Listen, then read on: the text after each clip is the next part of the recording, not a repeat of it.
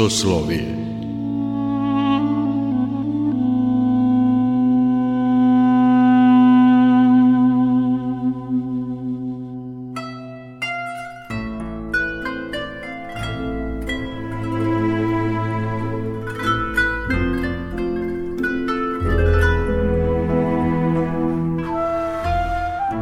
Slušate Soslovije, religijski nedeljnik Radio Novog Sada. Dobrodošlicu vam želi Mirjana Ranković. I ove nedelje tema su sekte. Čućete drugi deo razgovora sa našim gostom, diplomiranim pravnikom i religiologom Zoranom Lukovićem redovnim članom FEKRIS, Evropske federacije za praćenje sektnog i manipulativnog delovanja, ICSA, Američko-Kanadske federacije, kao i pravoslavne mreže Centara za praćenje rada sekti. Na početku otkrivamo kako je i gde sve počelo i kako se Zoran Luković zainteresovao baš za ovu temu. Ja sam polaznik pravoslavne misionarske škole Svetog Aleksandra Nevskog. Još iz vremena studentskih dana, odlazeći u crkvu, ta moja generacija tih godina, kad je bilo buđenje naše e, tradicionalne dedovske pradedovske duhovnosti, ovaj, okupljali smo se najčešće u, u hramu Aleksandra Nevskog, mada je moja parohijska crkva bila saborna crkva u Beogradu, zato što je tamo bio jedan izvanredan čovek i e, starešina Hadži Ljubodrag Petrović, protojerej, i na osnovu našeg, e, naših želja, naših pitanja, naših, e, našeg entuzijazma, upravo je tih godina kad sam bio student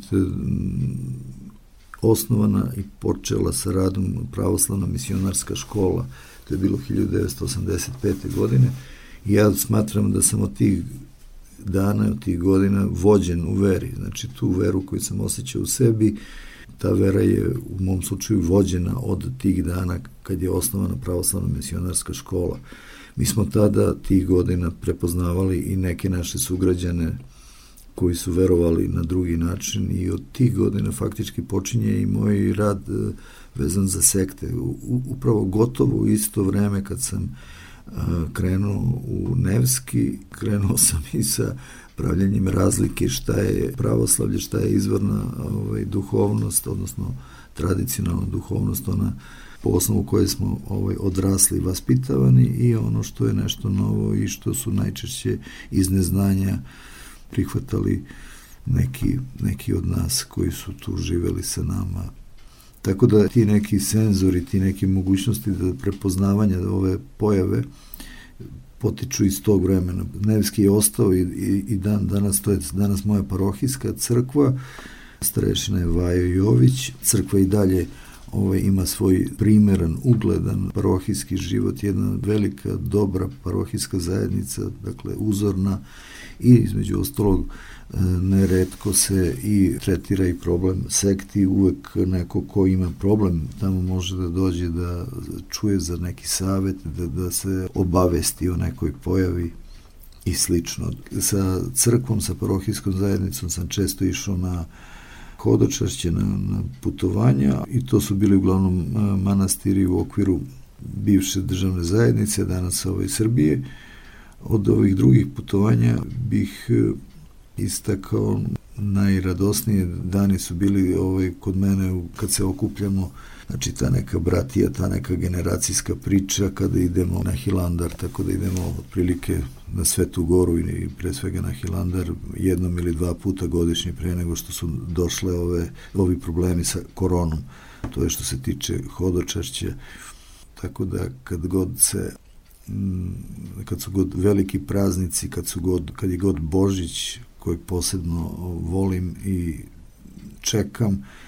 Uvek se setim i tih hodočašća i tih e, molitvi, divnih momenta sa putovanja, ali uvek rado i najradosnije dočekam u svojoj parohijskoj zajednici i moram reći da ovaj, nije parohijske zajednice ne bih e, imao tu celinu i taj koordinatni sistem u saznanju i prepoznavanju vere i svih puteva i stramputica koji, koje vode ka veri. Mnogi ljudi danas e, na hodočašće odlaze turistički, odlaze sa nekim pogrešnim motivom da odu recimo da, da će odlaskom u manastir jednom godišnje ili dva put godišnje u stvari rešiti sve svoje duhovne potrebe u stvari to hodočašće sama reč kaže je nešto sa, sa, gde se ide sa određenom pripremom a ta priprema je život u, u zajednici porodičnoj, parohijskoj, gradskoj,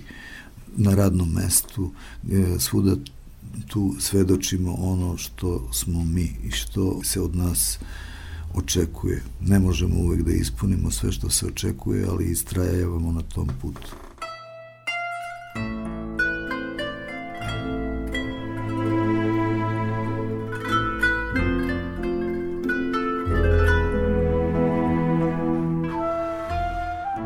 Gost Soslovije je diplomirani pravnik i religiolog Zoran Luković. Za sobom ima preko 700 predavanja, tribina, javnih i medijskih nastupa u Srbiji i inostranstvu. Sa njim smo razgovarali o tome kakva je razlika između tajnih društava, verskog fanatizma i sekti. Kako sekte vrbuju članove, kakav je psihološki profil ljudi koji postaju članovi sekti. Vrlo bi korisno bilo kada bi napravili distinkciju, objasnili ukratko kakva je razlika između sekti, tajnih društava, službi i kakva je razlika između tog verskog radikalizma, onda tog fanatizma, ekstremizma, terorizma. Često ljudi to poistovećuju verski fanatizam, taj radikalizam, i sekte, da je to isto, stavljaju znak jednakosti. U čemu je u stvari razlika? Pa trebalo bi ovaj, jedna cela emisija za, za, Možda neke za, osnovne, za, osnovne. Ali u osnovnim, da, u osnovama što se tiče tajnih društava, tajnih službi i sekti, e, zajednička jeste tajna. Celu istinu zna samo e, vrh, vrhuška u svakom konkretnom slučaju. Vrhuška zna ono što, ono što se radi, zašto se radi, zbog čega se radi i šta stoji iza svega toga i šta će doći nakon svega što se izvrši u konkretnom slučaju. U opet u sva tri slučaja, znači i kod tajnih društava i kod tajnih e, službi i kod sekti, pos, ovaj, uvek imamo te više ciljeve zbog kojih se nešto radi.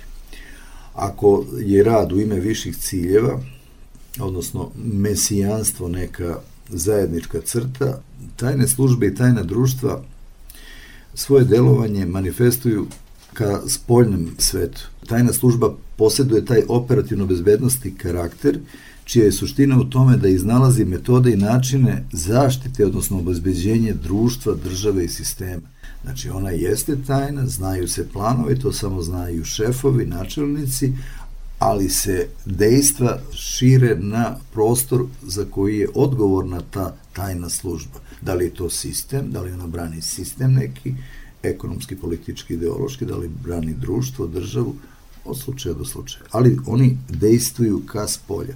Tajno društvo prepoznaje, okuplja, bira i inicira klasu, esnaf ili društveni sloj koji se proklamuje kao neko ko vodi ka blagostanju društva, koji spasava društvo od e, sirotinje, od e, epidemije, od e, raznih problema. Isto, dakle, tajno društvo se okuplja, isto, znači, znaju svoje ciljeve, znaju, imaju plan kako će to nešto da rade, imaju svoju ovaj, ezoterijsku komponentu, ali dejstvuju s polja.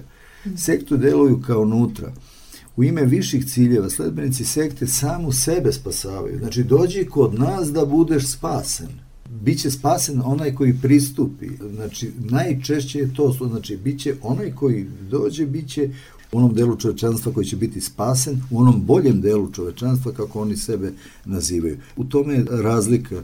Dakle, ovi deluju i tajna društva i tajne službe koje su legitimni delovi svih sistema, službe, oni dejstvuju znači prema onom sistemu, prema onoj državi, prema onoj ideologiji koju štite.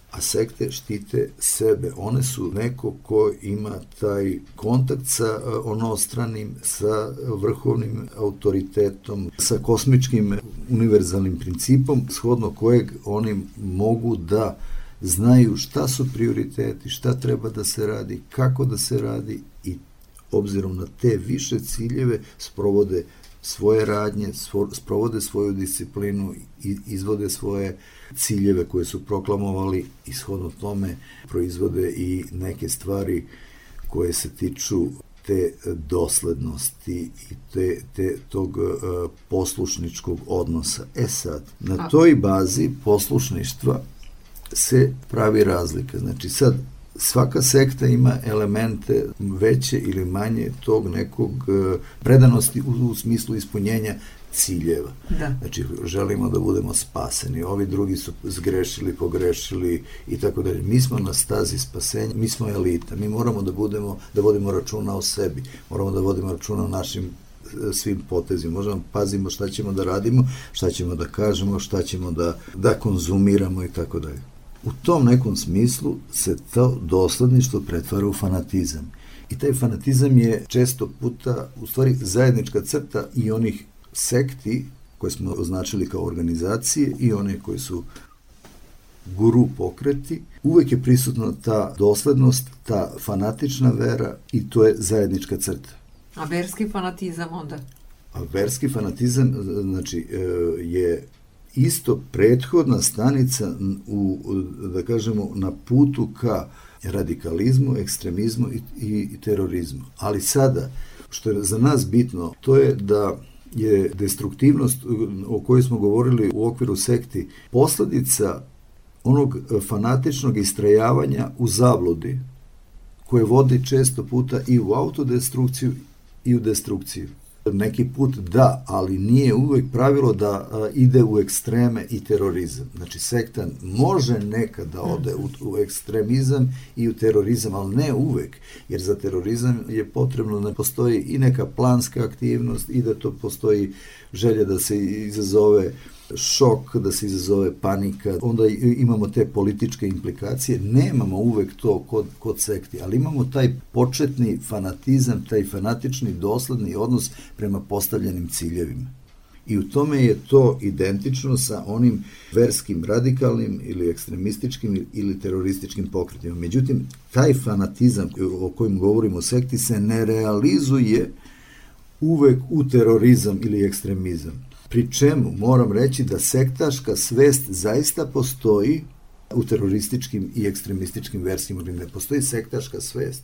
Mi smo ti koji spasavamo, mi smo ti sveti ratnici, mi smo oni koji će da, i koji imamo pravo da, da, da sudimo i tako dalje. Taj deo postoji u, uh, u tim organizacijama. Međutim, pošto je to bio uh, gorući problem u, u svetu proteklih decenija, jednostavno te organizacije su nazvane terorističkim prosto kao neki, neki viši nivo društvene opasnosti, viši nivo destrukcije, viši nivo opasnosti po ceo svet, oni su jednostavno podvedene pod ime terorističkih organizacija. Uprkos tome što, je, što postoji sektaška svest, ono što je, što je nama važno, nije važno ljudima koji su u zoni terorizma. Terorizam je ipak politička, prevashodno politička, ekspanzionistička priča, a ovde kod sekti smo odredili da je to manipulacija, da je to nešto što ide ka nama u našu svakodnevnicu ulazi, a da mi e, to ne vidimo na prvi pogled.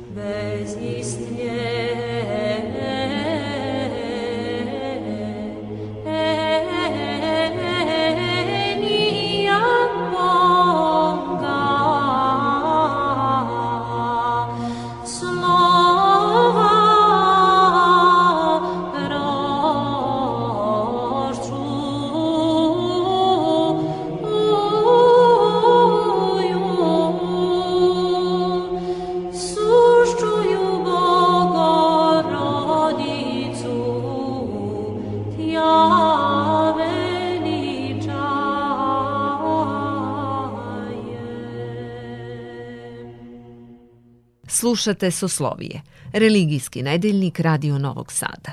Naš gost je diplomirani pravnik i religiolog Zoran Luković. Ono što bi svakako bilo korisno za slušalce je da kažete u kojoj meri je Srbija sada, znači danas, izložena delovanju sekti, tačnije koje od opasnih sekti deluju kod nas u Srbiji i čije delovanje je sada onako primetnije nego ranije? Najviše vidova sektnog delovanja imamo u u onome što smo odvodili pod New Age. Ono što je najviše prisutno to su škole raznih iscelitelja, učitelja, meditacije, joge, ekstrasensa, raznih astrološko-terapeutskih pravaca i njihov broj prevazilazi cifru od hiljadu. Njih ima zaista mnogo i zaista smo pogodno tle za takvu vrstu manipulacije. Pristajemo na to, imamo predispoziciju da, da poverujemo u ta laka rešenja koje se nude, u te prečice ka sreći, ka besmrtnosti, ka spasenju i tako dalje.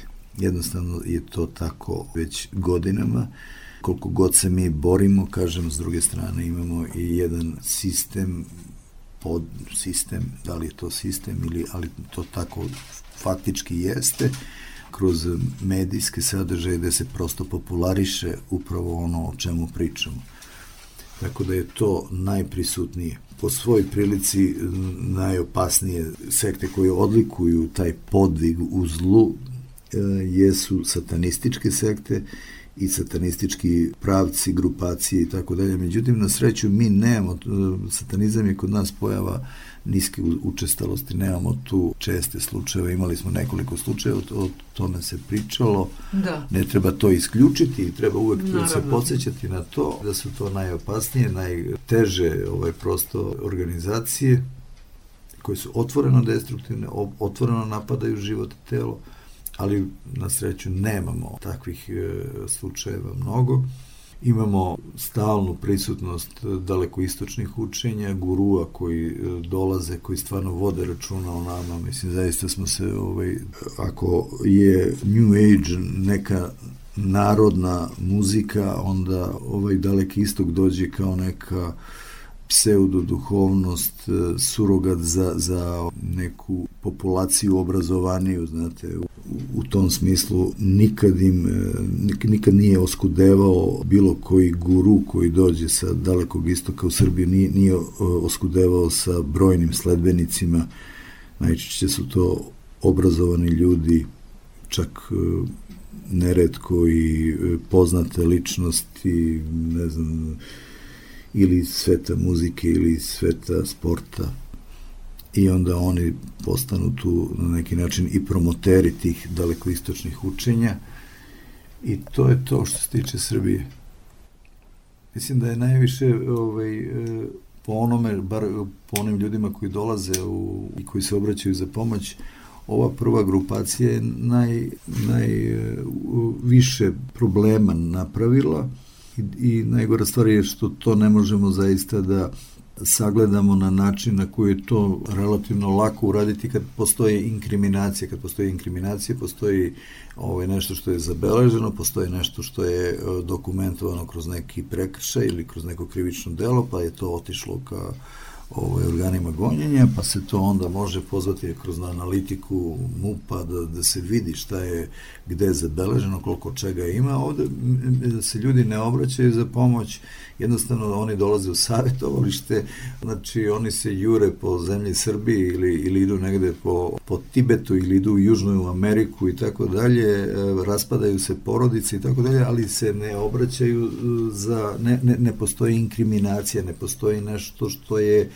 tu osnov koji bi dao mogućnost da se napravi neka, neka analiza. Prosto je ovo mhm. jedna, uslovno rečeno, neoficijalna pilot e, analiza koja je urađena pre 3-4 godine gde je Centar za antropološke studije uradio po broju oglašenih, po ljudima koji su se oglašavali kao astroterapeuti, ekstrasensi, spiritisti, magovi i tako dalje, po broju onih koji su se oglašavali je, smo došli do cifre da ih ima preko hiljadu, sad ih ima još više. Ima ih sigurno I plus, više. Ovaj, je tu internet, Yes. I onda kad dodamo sve ove youtubere, ove, ove, ove ljude koji imaju ta neka predavanja koja su online, imamo online uh, seanse, on, online tako meditacije i tako dalje, mislim da tu možemo da govorimo i o broju koji se primiče cifri od 3000 ljudi. I mislim da je to najopasnije. Možda evo ja da navodim samo ono što sam našla na internetu, na Instagramu i Fejsu, neke tehnike koje se praktikuju ovde konkretno u Srbiji, pa vi samo odgovorite sa da ukoliko ima veze sa sektom. Jel može tako? Reiki. Pa može da bude. Moram tu sad da se ogleda. Reiki je u ovaj, što kažem može, zato što su zakonom o komplementarnoj medicini prepoznati reiki učitelji kao deo programa komplementarne medicine. Znači, tamo gde, gde je ispoštovan zakon, gde to rade medicinski e, radnici, reikin je komplementarna medicinska tehnika, a tamo gde nije ništa drugo nije nego, ne, nego je to alternativna duhovnost, nešto što se nudi kao manipulativna tehnika, onda to jeste u kontekstu sekte, znači u tim, po tim uslovima da, jeste, da. Teta healing. Da, da, da. Svi oblici meditacije. Pa ne svi. Ne, opet, opet, kažem, imamo situaciju sa nekim tehnikama koji su u zvaničnim e, konfesijama, koje su prihvaćene kao prosto bogoobraćajuće tehnike. Teško je razlikovati katoličku kontemplaciju i meditaciju. Tako da moramo biti oprezni. Što bi rekli, bolje je hiljade krivih da su na slobodi nego jedan nevin da bude osuđen, tako da ne, bi, ne, ne bismo sad ovaj, sudili, ali jeste e, to tehnika koja se znači medi, tehnike meditacije, pogotovo vođene meditacije, jesu one tehnike koje se primenjuju u sektama. Znači, kad se kaže meditacija, treba biti oprezan. Energetska psihologija, mislim na tehniku emocionalne slobode. Najčešće da. Tehnike koje je patentirao Živorad Mihajlović Slavinski. Dobro ste rekli, patentirao. Neke jesu, neke nisu. Nismo doneli zakon. Znači, vi sad mene pitate nešto što je u pogodbenom smislu može da bude ili, ali, ne, mora, ali da ne znači. mora da znači. Zato što je e, slavinski psiholog, učeni, e, obrazovani psiholog, patentirao je tehnike, mi zakon o psihoterapijskoj delatnosti još nemamo, Tako da ja sa normativističkog aspekta kad gledam to ne znam da li će nešto od tih tehnika biti prepoznato od strane zakonodavca, pa će da to bude u primjeni ili ne. Tako da ne bih unapred govorio, ali ima stvari koje su moguće da budu u zoni zakona, ima tehnika koje će to teže biti u zoni zakona, tako da za sada se ne bih izjašnjavao tim povodom. Silva metod. Silva metod je o, tu posebna priča, pa pitajte psihologe, mislim, da govore o tome, mislim. Postoje stvari koje su, i verovatno će ići pitanje za NLP i tako dalje, znači stvari koje da, su NLP date kao, date kao mogućnost, a i uđu u zloupotrebu, one same po sebi nisu sektaška, nego su sektaši uzeli. Sektaši su se uselili u life coaching. Nije life coaching sam po sebi sekta nego je neko je preuzeo to i uzeo, pa to nisam stigao da, da ispričam sad, mislim, ovaj, ne, ne nadovezuje se na ovo, ja sam pričao sad o okvirima, da, da, da, šta je, šta nije. Znači, neke stvari e, su oni uzeli i, i, i preuzeli kao svoje i ovaj... Bitno je ko drži oružje zapravo. Pa da, eto, ko drži... U čijim rukama je oružje? U čijim oružje, da. To je, to je suština. Suština je, da, u, u tome, u, da i u koje svrhe se koristi to oružje. Yes. Znači... I za kraj ovog razgovora možete li dati savet roditeljima? Kako sprečiti, pošto krećemo od one krilatice bolje sprečiti nego lečiti, kako sprečiti da naša deca postanu žrtve sekti? Sa decom treba imati e, što je moguće veći odnos, e, više izražen odnos poverenja i pratiti, razgovarati, biti u toku sa njihovim životom i sa njihovim interesovanjem sve te stvari koje se pričaju sada ovde i na ovom mestu nekad nisu mogle da dođu u ruke dece. Deca u, u, do, do pre 10-15 godina nisu mogla e, da imaju pristup ka svim ovim tehnikama, ka svim ovim znanjima, jer su knjige o tome bile ili na posebnom mestu, kao što ste rekli, oružje se čuvalo na posebnom mestu i tako dalje. Mi danas imamo internet i sa internetom a, mogućnost da oni jednostavno uđu u tu problematiku, da uđu u ta polja, da uđu u te lavirinte i vrlo je a, rizična stvar znači internet koji je po mnogim stvarima dobar, pozitivan, informišući, obrazujući element u životima dece, ali na, na internetu zaista ima mnogih zamki i to nisam ovaj, morao ni da kažem, to se zna. E sad, otvarajući sve te stvari, deca treba da imaju neke u sebi indikatore koji će da ih upozoravaju na određene opasnosti. E, junaštvo treba, po, ali ne junaštvo da se iskušavaju deca kroz ovu vrstu hrabrosti, nego da jednostavno prepoznaju šta je to loše, šta je to opasno i da to opasno može da bude fatalno.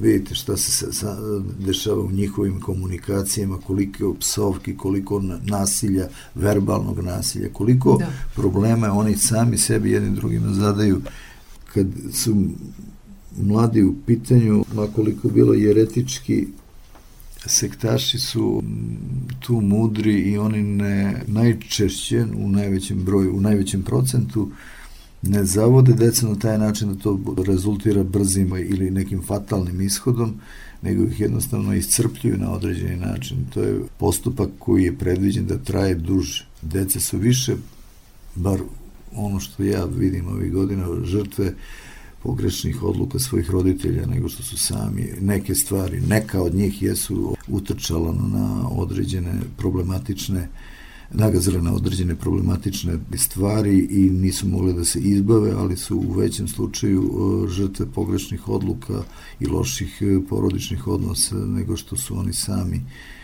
ulazili u takve neke stvari i iskušavali se.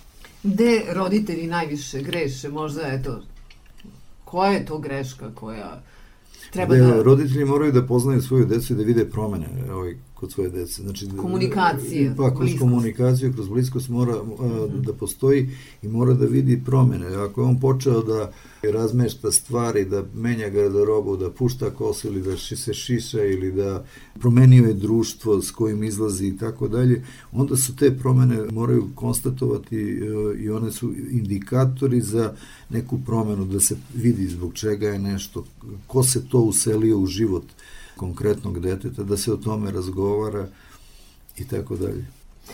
Gde vi sada radite? Radili ste u državnoj firmi, znači u penziji ste, sada radite... Radim u pastirskom centru Arhijepiskopije Beogradsko-Karlovačke, znači pri crkvi ponedeljkom, radim problematiku sekti, dolaze mi svi oni čije je neko blizak e, zalutao u sektu, pa je to prepoznao, pa je došao, odlučio da dođe da pita za savet, za instrukciju šta da radi, kako da radi i tako dalje, a ostalim danima sam u agenciji, detektivskoj agenciji Protekta.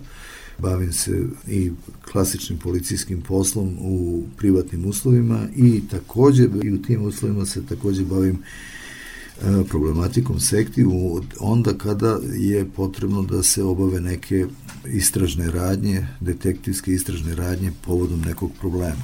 Tako da imam i u jednoj i u drugoj varijanti imam stranke uglavnom imam najveći deo vremena mi odlazi na probleme pojedinaca koji imaju, ko, kojem je neko blizak za luto u sektu.